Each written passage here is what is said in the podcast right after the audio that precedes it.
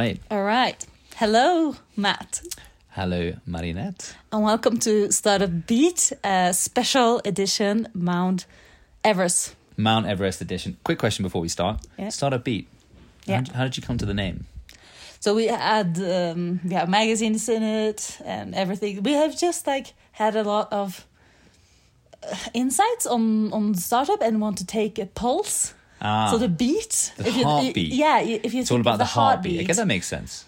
of the yeah of the startup scene. Look at that. You just tuned into this podcast and you're ready to learn anything. Maybe not the things you thought you might learn by tuning in, but but hey, you learned something anyway. Anyway, So over to you. welcome back to to the podcast. This will be a bit of a different episode. We don't have Ingar with us in the Himalayas, but Matt and Marinette representing here. Do you miss him? I'm gonna be fine for like a week. Uh, then did- then it's gonna then, with, then it's um, gonna be really really difficult. I will miss Ingar so much. Let's see if he leads us in the episode or not. He'll edit this, no doubt. yeah, maybe this will never come up because Yeah. He you didn't immediately say, "Oh, yes." yeah. Is that why you were crying last night? I could hear you through the thin walls in this in this hotel we're staying in in Namche Bazaar. Yeah, three thousand 3,440 meters. Yeah, this is called the Sherpa capital. Exactly but let's uh let's start from the beginning Hmm. like why why did we did do this trip Hmm. matt I mean, I did this trip because, uh, reference to our previous episode, yeah I did mention that I want to live an extraordinary life. yeah And I think in order to live an extraordinary life doesn't mean doing anything extraordinary. It means doing extraordinary things. yeah So doing things that are somewhat out of the box. And my sister, who's fantastic, um, has been here before. And she was setting up a trek, an expedition with a group of people to support some charities that she supports.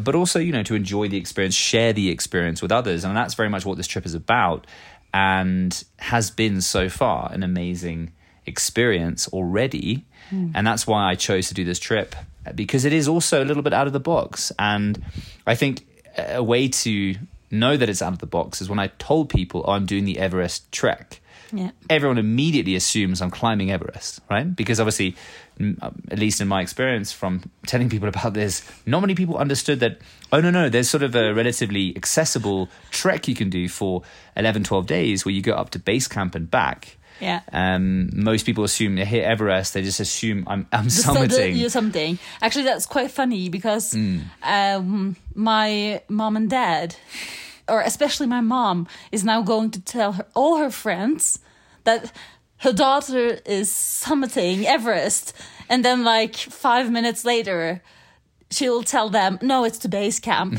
so everybody that mom my mom talks to has a full panic attack Oh, wow. Will she make it? yeah exactly We'll be watching the news. Yeah. Norwegian lady uh, doesn't make it back. Worries for her safety. 24 hours missing. yeah. So it's normally Easter vacation. I would probably go somewhere like warm or comfy or stay with my family. But I thought like now I need to challenge myself mm. both mentally, physically, and really try to reflect more mm. on life and the choices that I make. Mm. And also having this really clear goal and working towards that stepping out of the comfort zone and just building up some resilience. I think that's something I will never forget. Hmm. Like you can always go to a beach and it's nothing wrong with that, just to say that. I love doing that too. Really, Yeah. Really, yes, but it's it's it's a completely different experience and Yeah. you you're not able to forget it and that's something that i find really special about it Yeah. and also when you asked asked me to join i'm so lucky that, that you asked i'm very happy for that so thank you matt hmm.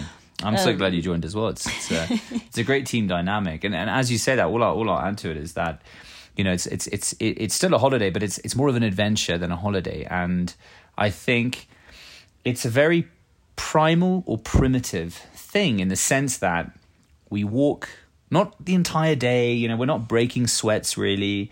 Um, it's just simple. The slower, the better because of the altitude yeah f- put one foot in front of the other. There are really steep parts, there are flat parts, there are deep, deep downs, you know, steep parts, um, and there's some colder bits. And we had beautiful sunshine yesterday. We walked through, which was amazing. So it's it's all these different types of climates and settings. It's not just cons- constant, and and all you can do is just put one foot in front of the other and just keep walking. Yeah. And I'm taking it as a digital detox. So I've actually not touched my phone. I've turned my phone off. Not going to look at it. It's until I get worse with me. I'm podcasting here. So, okay, fun fact. Right now, Marinette has her hand around a Pringle can. That's correct. Original flavour, if you're wondering. Um, we have wedged her phone between the Pringle can so that she doesn't have to hold her phone up. She's recording this on her phone. Um, and we are sitting in my bed with a duvet wrapped over us because, of course, it's cold. We are looking out of a small window in this hotel that has walls about an inch thick. Not even that, actually. That's that's an exaggeration. Half an inch thick, um, with a sleeping bag behind us as as a padding. But we are looking out the window. As I said, Namche Bazaar, three thousand four hundred and forty meters. The home, uh, the cultural home, the spiritual home of the Sherpa. We'll tell more about them in a minute. But we are looking out into. I mean, it looks like a fjord a little bit, right? Big yeah, valley. but, but way higher I mean, mountains, snow, and it's super steep. So if you compare it to the Norwegian landscape, it's the ice age that has formed the um, the fjords. Mm. yeah. But here it's earthquakes, so it's Mm. really a lot more steeper and higher mountains. So it's you have some similarities, but still it's completely different. Friends, I wish you could see this. Honestly, I mean, on the right we've got a, a peak that looks about. So we're, we if we're at three thousand four hundred, there must be four thousand four hundred, and then to the left, just out of sight right now, there's a peak that's about seven thousand meters. You know, just and it's snow capped, of course. I mean, to be honest, anytime we see a, a peak with that sort of pointed like a shark fin, uh, that's you know looks very tall, we think it's Everest, right? but there are actually time. how many peaks? There's like 14 peaks in this area, I think, that are very uh, upright. And then you know there was I think there's eight that are over eight eight thousand meters or something like that. Or was it six over eight thousand? Um, Someone someone do the googling for us. Yeah, please. Do that in post. But the reason, so uh, I f- said yes to this trip. It was like now we have a lot, like uh, we are eleven, no, twelve, no, 11, eleven. we're 11, We are eleven innovators. And one of them is 11 years old, by the way. Yeah, exactly. he's not That's- much of an innovator yet, No, but he will yet. Son of an innovator, but it's about the people that you're traveling with. And also the DD movement, which Yeah. your sister has done a lot of work helping children, especially women, Mm. with education and guiding to yeah become Exactly. more yeah. It's, it's, it's nice to have this trip, not just um, your typical holiday where you, and rightfully so, you've earned it, you deserve it, you Yeah. just spend and enjoy. We're actually, we've raised money, and all that money goes to supporting three charities, um, which, uh, which we can put in the show notes. Supporting Nepalese children with education. Yeah. So, you know, there's a cool purpose to this trip. We've been taken very good care of by the Sherpas because they know about this. Not just your average trek group and it's yeah, it's, it's spectacular. You- I highly urge you all um, listening, watching, etc. to this.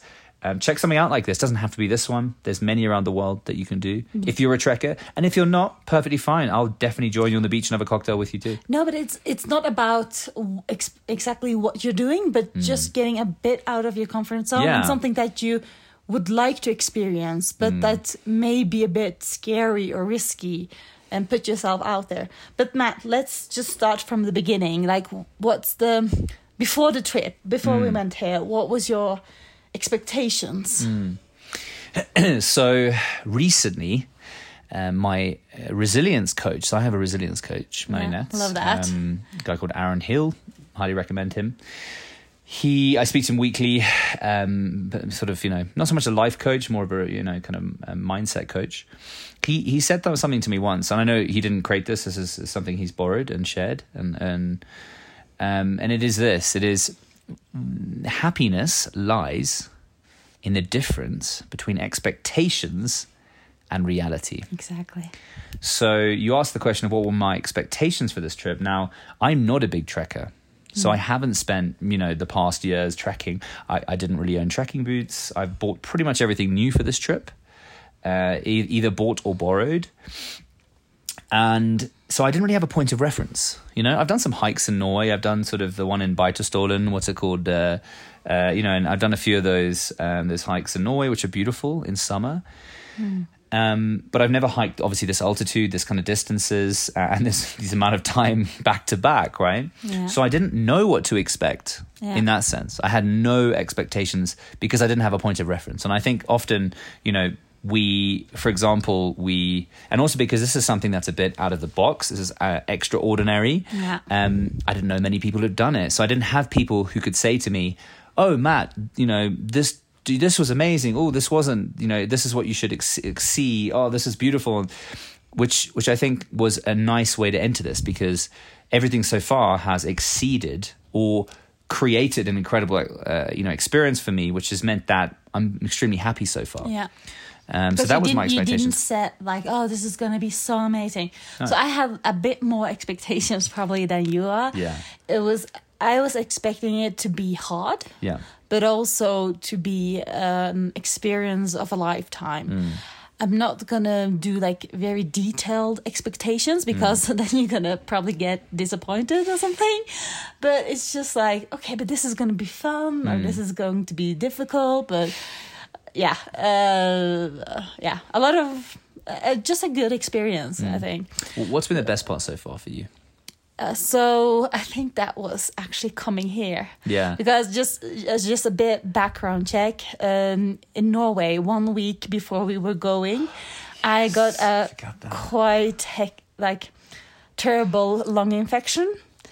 So I was uh, in the hospital and I was uh, getting yeah medications and all of that, and I was then I was mentally quite low because I was thinking like, oh, I'm not gonna ma- be able to make it. Mm. This is like heartbreaking for me because I've used um, th- the time that I had before mm. the trip to mm. really prep my workouts and like trying to do something good for myself. So mentally, I was like, no way, this is happening.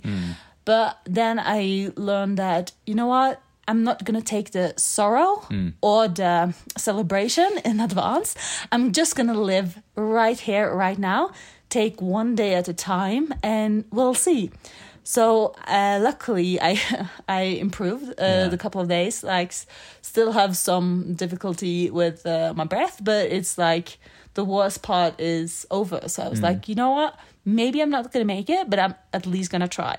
So that was like a whole other like from my. I think that's like my expectations mm. were kind of crushed before the trip even started. Yeah. so you lowered your expectations purely because you're like, I don't even know how I'm going to do, and you Yeah, know, exactly. but I'm going to get there. Because I'll yeah, and I'm going to do the best job I can while I'm there. Exactly. And if I, yeah, so yeah, interesting. So But we come to Kathmandu. Yeah. Uh, you got to explore the city a bit more than me. What's your first impression? So I again expectations versus reality, right? So I've obviously never been to Kathmandu, never been to Nepal, but I have been to India. I have been to parts of Asia, Africa, of course, right? So I have been to the quote unquote sort of emerging markets before, but I'm talking third world emerging, so not just sort of Brazil or or you know somewhere in south of Spain, or I'm talking like proper proper, you know, every scooters everywhere, um, crowded, uh, etc. So first thing, wow, Nepalese people are amazing, Yeah. friendly, welcoming, polite. And in these third world nations, which Kathmandu, you know, was very much placed in, you know, sort of busy, lots of people, no order when you cross the road. You just cross and weave your way as well as the cars and bikes weave their way around you. Somehow it works. You don't die. But it's obviously a bit of a shock um, at the beginning. And of course, there's a lot of pollution in the air. So you, it's just sort of, it's a beautiful sunny day, but you're under the cloud cover of smog and smoke. So it's just always a little bit cloudy and grey. Yeah, yeah. Um, it's still warm and it's still comfortable, but it's you know you can, can tell the air quality versus Norway versus this place, right? Um, and lastly, um, you know, it, it's it just I noticed how you know, when you typically go to these you know and these these these nations. And you stand out because you're Caucasian, you know, you're white and Western, and you know, you, you walk around. You you can often get bothered, badgered by locals trying to sell you things, trying to beg. And actually, there was a only a little bit of that, but I was never bothered. There was a little bit of begging, but once you sort of said, to, you know, once or twice or three times maximum, oh, sorry, oh, I really didn't have anything. I really didn't have anything. They go, okay, and they walk away. So I never felt intimidated. No. I never felt uncomfortable.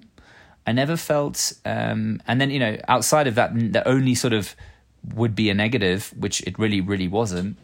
Uh, everywhere we go, they're smiling. Namaste, which means hello. You know, um, Yeah. everyone's saying that. Uh, Danebat, which means thank you. We're trying to sort of, you know, do what we can to speak the local lingo a tiny bit at least. Everyone is so friendly. They, you bring you food. And you're still going, and they bring you extra food. You know that is added on It's a top lot of of, that. gratitude. Like people are so thankful and Yeah. they show a lot of gratitude in the culture. And I think it's because it's quite a religious uh, country. Buddhist. Yeah, they they they have some living standard that they want to follow, and it's Karma. a lot of yeah, exactly. It's literally karma. It is. Yeah. yeah. It's, it's karma. That's Do good unto others as you Yeah. wish unto yourself. But after look like at Kathmandu, we Yeah. were going to fly to Lukla, and from for me, I'm like, I can fly. I do a lot of flying. I'm not like super. I'm. I have like a little bit more anxiety for, Yeah. for like crashing than maybe the, like normal people, but I, I'm normally fine. Yeah. But this is like a super super small plane landing in the Himalayas Yeah. at 2,500 meters Yeah. and yeah it's the world's most dangerous airport so i was i was really curious about how that flight was going So, But for context, for everyone's sake, Lukla is the closest airport really towards base camp on this trek that we're doing. You start your trek from there. Now, Lukla is is quite famous for for be, you land on a 15 degree runway, meaning when you land, you land uphill. When you take off, you take off downhill. The runway is about a third of the length it typically is at airports. So you know, it's like it's it's it's. I think it's like you know, 800 meters or less than that, 600 meter. Uh, and if you're runway. curious you should actually just Google, google, Lukla Airport. Exactly. And there's plenty of videos of crashes. Nothing too fatal or da- uh, terrifying, just planes running off the runway with strong winds. And by the way, you land at 2,500 meters. So in this valley. So you literally land halfway up a mountain. It's kind of surreal when you're coming in, and it's a short flight, 30 minutes from Kathmandu. We took it. We, we took it from somewhere else, and it was 20 minutes. And it is famous. You're flying through, of course, pressure through mountains, cloud cover the airport's usually closed and and you know things are it's just, it's it's very difficult to fly a lot of the time because of the weather so yeah just for context now you know what Yeah. Lukla airport and the flight we did is but this is it was almost like being in a movie like looking outside a window and it's just these amazing uh, himalayan mountains Mm. but also another thing happened during our flight like it, Yes. you want to Oh talk God, about that? about that. it's it was actually being like being in a movie it was a movie yeah it was a movie yeah where like it, it's you know when a plane crashes in a movie and you have like all this beep beep beep beep beep beep just before it does like pull up and pull just up. before you say pull Mayday, Mayday. and then Yeah. all the all the you know oxygen tanks drop down but they wouldn't in this plane because it was a tiny uh, little rickety plane wow We had at least a lot of beep beep beep beep beep beep beep beep Yeah. beep beep beep beep. And then we basically started to nosedive halfway through the flight as we sort of were coming out of the cloud cover. And uh, all of a sudden, you know, the, the plane starts to sort of free fall. Uh, dive down, nosedive drops down, and we s- things went a little bit silent. And then this, this, this, this, uh, we were like, obviously, tummies are in our throats, so we were like, and then it was like, me, me, me, me, me, me, and we were just like, everyone was kind of silent because we we're in this sort of state of like, is I'll be what you know, kind of is What's this happening right what's happening right now? And but it last like tw- I don't know, ten seconds, fifteen seconds, which felt a lot longer, obviously at the time. And then the plane sort of you can like almost feels as if it's landing because it's you get a lot of kickback. You land on the air. You land, you caught air. You know, uh, you weren't free falling anymore. And then, but then the beep carries on, and then you know they turned it off after ten seconds further. But we were all looking around at each other like What the heck? everyone had been a little bit nervous about this flight, and we got uh, a Lukla flight experience, I think. And then from then on, it was perfect. Landed, no problem. It was an enjoyable trip, and It we were like, "Wow, cool." So then we hiked up here. Yeah, we did. What do you think of the hike so far? So we were blessed. The weather has been Uh, at least yesterday, very nice. Yeah, right. amazing. we hiked first to Pak uh, Phakding. Yeah. Um, stayed a night. Uh, accommodation was chilly, but but lovely. They have these sort of canteen areas where everyone meets in, which is sort of the lounge area of a hotel. The only room that is actually warm. Correct. They have a big fireplace in the middle. Everyone seems to have a puppy. I don't know whether it's because it's spring, but everywhere we go, there's puppies, and they're all relatively groomed. They seem well lo- loved, looked after. Yeah. They're not really, you know, d- dangerous with fleas or, or seeing. You, you, there's no, there's no, no. it doesn't seem like there's much animal cruelty or anything that that would be horrible. So there's there's puppies everywhere. There's friendly Nepalese Sherpa people. Um, and fun fact Yeah. for everyone's sake and knowledge, we eh, let me ask you this question: When you think Sherpa, what do you think? Probably think uh, those guys that help the uh, people who summit Everest carry their stuff, right, with the yaks, right? Almost human yaks in a way, because they just carry all the equipment and they guide and they do all the heavy lifting. And Just if you don't know what a yak is, oh yeah, it's it's a hairy cow, right, with horns. hairy, Hairy cow with hairy cow with horns. That is, yeah, it's the transportation we have here. Either Yeah. you have, or everything that needs to be transported into the mountains Mm. are either with helicopters or with yaks. Yeah, exactly. There's two, two, only two ways. Or porters, which Yeah. are a level below a Sherpa. Now, back to Sherpas. Sherpas aren't a role or a um, kind of uh, labor. Sherpas are a whole um, ethnic community. So if you're born in this region where we are right now, uh, this is the Sherpa region. And Namche Bazaar is the Sherpa capital. So you are actually born into a Sherpa family and your surname is Sherpa. And I looked at the menu, Mm. uh, and it's Sherpa is a, they have it- their own language. They do have it's their a, own It's their language, own yeah. people. Yeah. And and they tend because because of uh, these Asian cultures tend to have a caste system, which is based on your your color and your sort of you know your where you are placed in society. You are somewhat limited to work within a spectrum of jobs. Yeah. Therefore, the Sherpas work in the spectrum of porters and and supporting people in the mountains here, so like kind of a mountaineering basically, Yeah. as well as um, herding sheep, animal husbandry, and things along that nature. So they live up here, they enjoy it, uh, they they love their lives here, seemingly, and they also, of course, because they live at this altitude, they're all they have very high blood oxygen content, so they can handle altitude. Therefore, they can summit Everest without oxygen in many cases, and, and do, and and that's why Sherpas are sort of this ethnic community, not.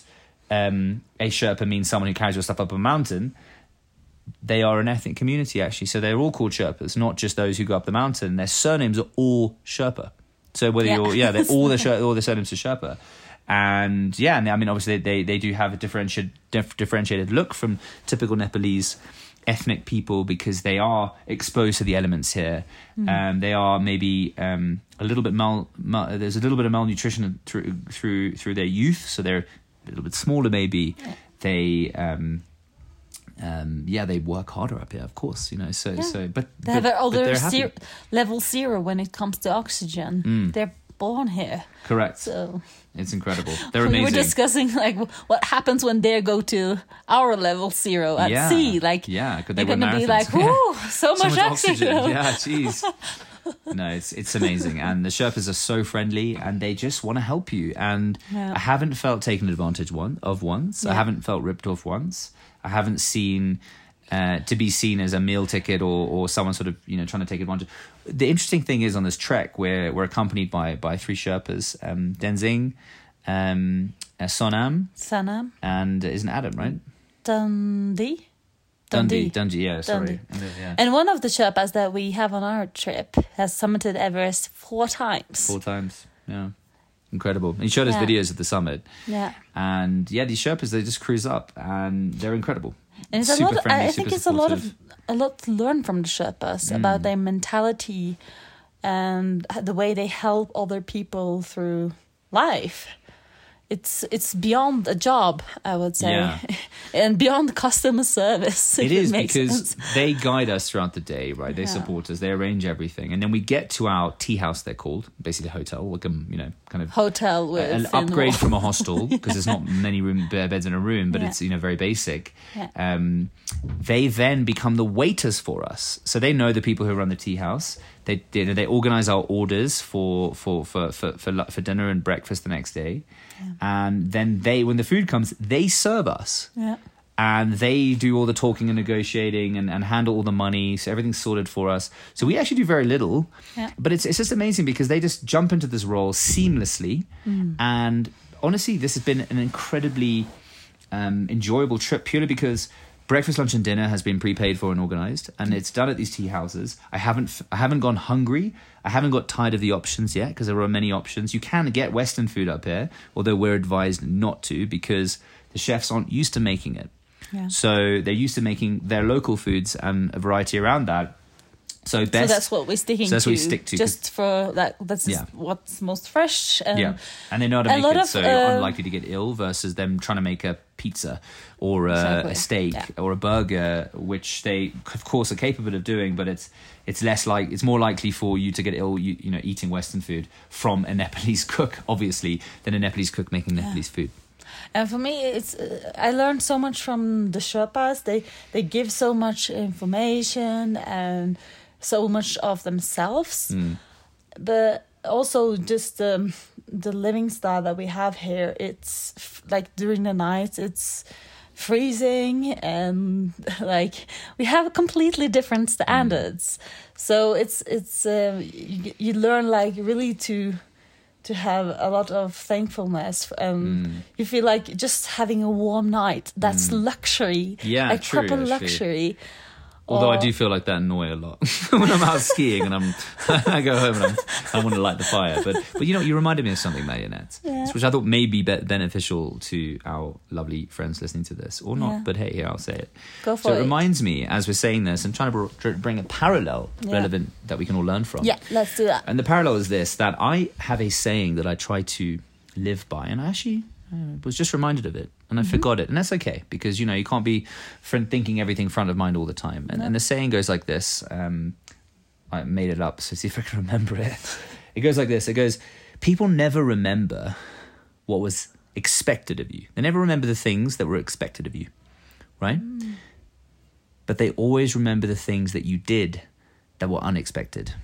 exactly And that can go that can go both ways, good and bad. But what I mean by that, and I'll say it again to repeat it, people never remember the things that were expected of you, but they always remember the things that you did that were unexpected. and this is really um useful when Mm. we come here because our expectation le- our level of expectation it's Mm. just changing and that makes it automatically uh, really more appreciating everything Mm.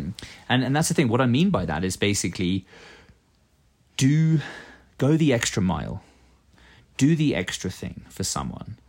Um, not all the time. We're not all superhuman, but when you have an opportunity to be kind, be to be generous, to uh, yeah, It's about what you were saying in the uh, the first episode, trying to be the best version of yourself, and Yeah. it's not like one thing is obviously for yourself to to um, go to the places you want to, learn the things you want to, but also help other people around you. Mm.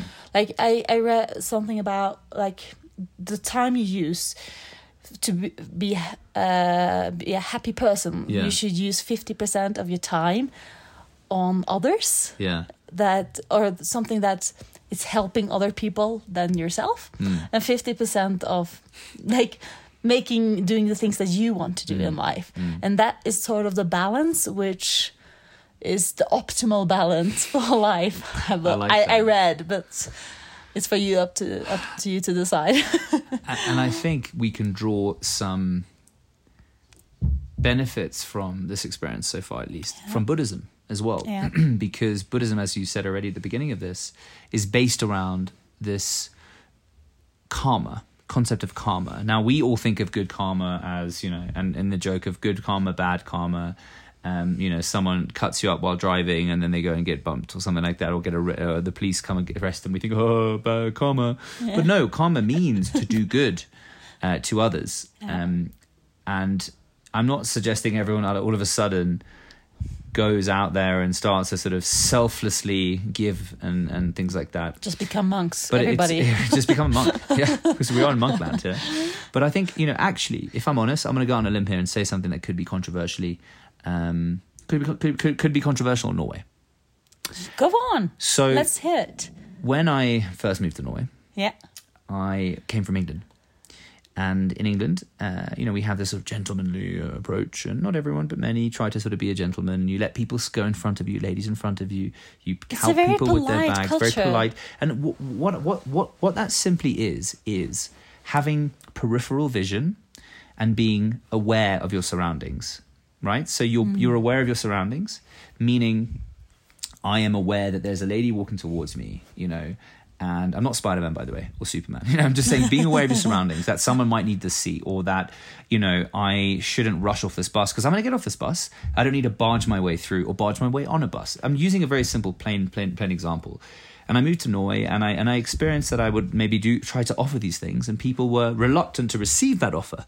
So, mm. so as, no, oh, I don't need help with my bag up these stairs. No, no, In you know, Norway. in Norway, Yeah, or yeah.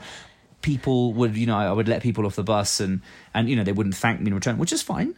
Or they would just wouldn't even notice the fact that I would hold the door for them because there's, and I'm not saying that it's wrong in Norway, but there is a very indiv- individualistic mindset in Norway, and maybe Yeah. we can learn something from karma in in the sense that you know maybe we should be a little bit more aware of our surroundings, simply so that we can spot the opportunities in which we can actually do the unexpected.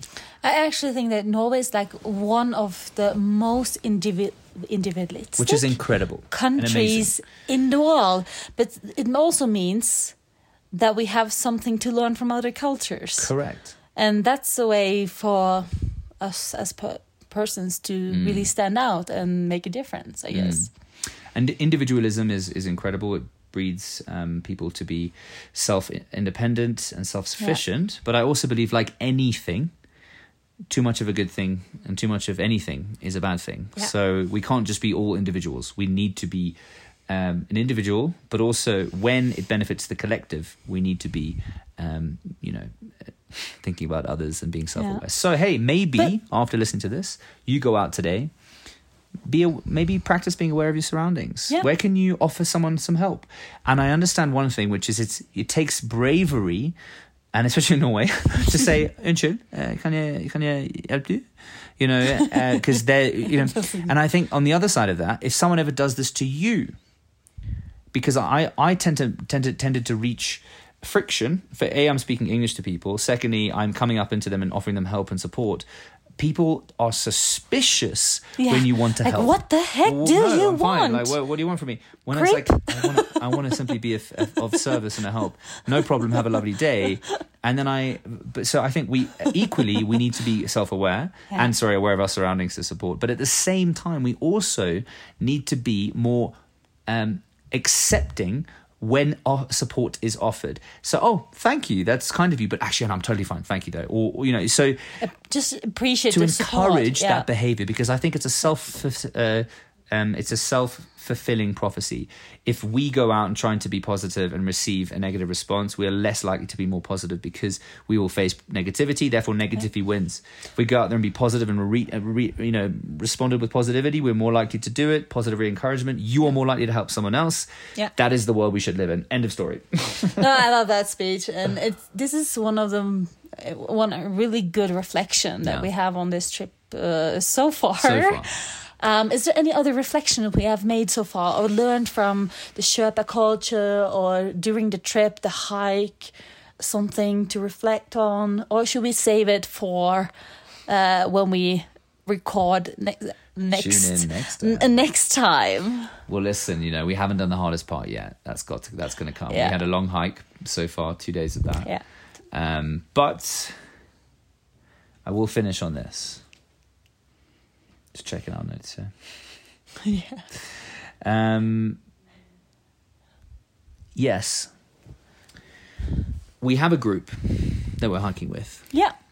and the group is, you know, you only knew me and uh, my girlfriend you'd met a few times and you'd spoken to my sister right? So you were a relative stranger to everyone else right? I only knew my sister. My sister's one friend my girlfriend and you uh, and my cousin uh, you know and for the, and we have an 11 year old on this trip with his father we have a bro- another brother and sister duo we have my cousin who's a doctor and his friend who's a doctor as well and you and we have this blend of people and it has been one of the most rewarding parts of this trip so far Yeah. Really? Yeah. Uh, we have uh, a really different type of not different type of background but different mindsets. We come from completely different Yeah. places. yeah different Um, ages different experiences yeah. different countries we've got australia new zealand south africa norway england um, germany And it's this amazing dynamic between people that don't know each other at all, but just we're in it together, supporting each other, and like there's no one not offering help to anyone, No. and everybody's. And this is just such an amazing part to be part of this Mm. So it's so rewarding so i want to challenge everyone Yeah. Marinette, Yeah. by, by, by, by next time we speak Okay. um, What's as the they challenge?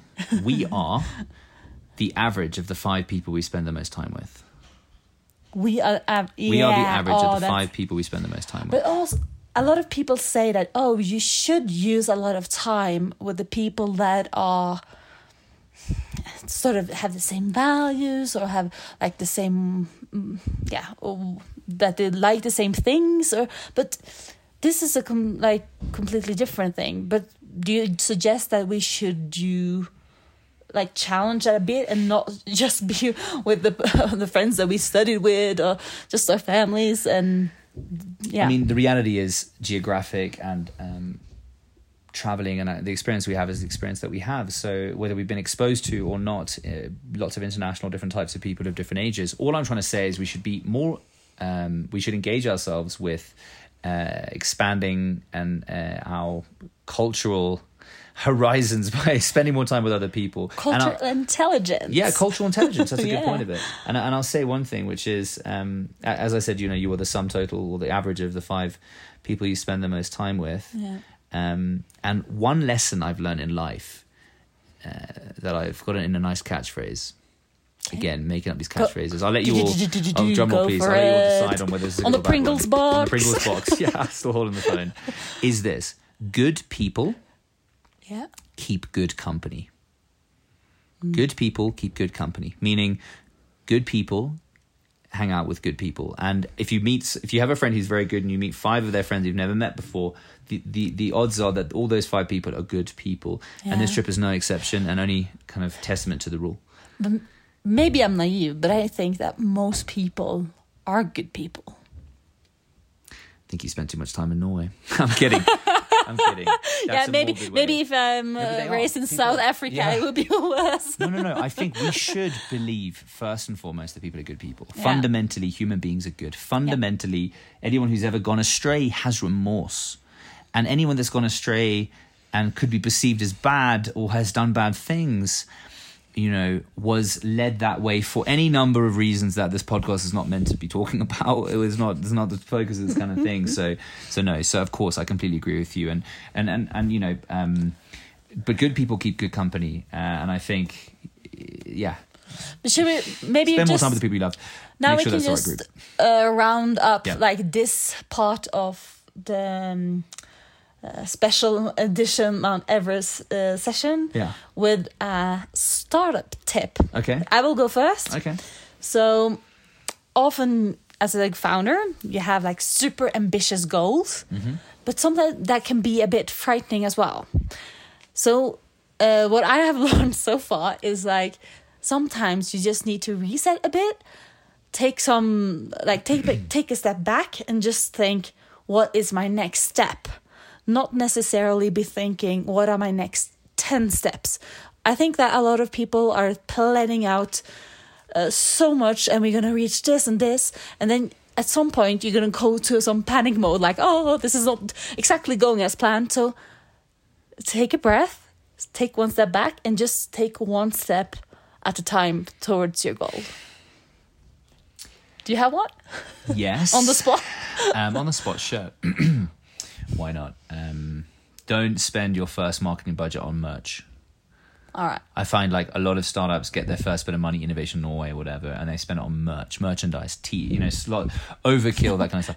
You, you, yeah, wear a t-shirt when you go to investor meetings, wear a t-shirt when you pitch and stuff like that. But I feel like a lot of startups, the first thing they do is merch. buy merch and get a logo designed and pay for it and all this kind of stuff. But I think, you know, focus on the things that matter. Um, sales, uh, customer growth, um, creating value, creating value, yeah. uh, and then monetizing value before you start to mm, you know worry about your external image. Uh, Unless you're building a B two C brand, for example, you're building a you know some kind of a brand or whatever, then you might need to consider those things. Yeah. The reality is, startup advice is, in my opinion.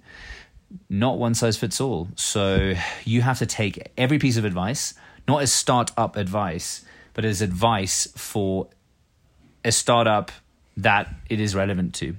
So if you this the advice you might have both given, although yours was actually quite uh, you know general to all, um, you know, is is is all taken with a pinch of salt. So pick and choose what kind of advice you want to listen to. Maybe that's advice in itself. That's the best. Pick, yeah, there we go. There, got some, got, got some. Pick and choose the advice that you want to listen to. Okay. Um, but always have a sounding board because we often can be an echo chamber of uh, you know, if you're a single founder and you just decide, you, you don't know who, you hear some advice and you, you either agree or disagree with it, but you don't have anyone to, to sort of bounce that advice, uh, that agreement off with. So that's why having a co founder or a mentor or an advisor, if you don't have a co founder, is very important to let you know whether your decision is right or wrong, or at least to challenge you so that you don't always make decisions and then either regret them or not even know because you sort of just made them without any other support. Amazing.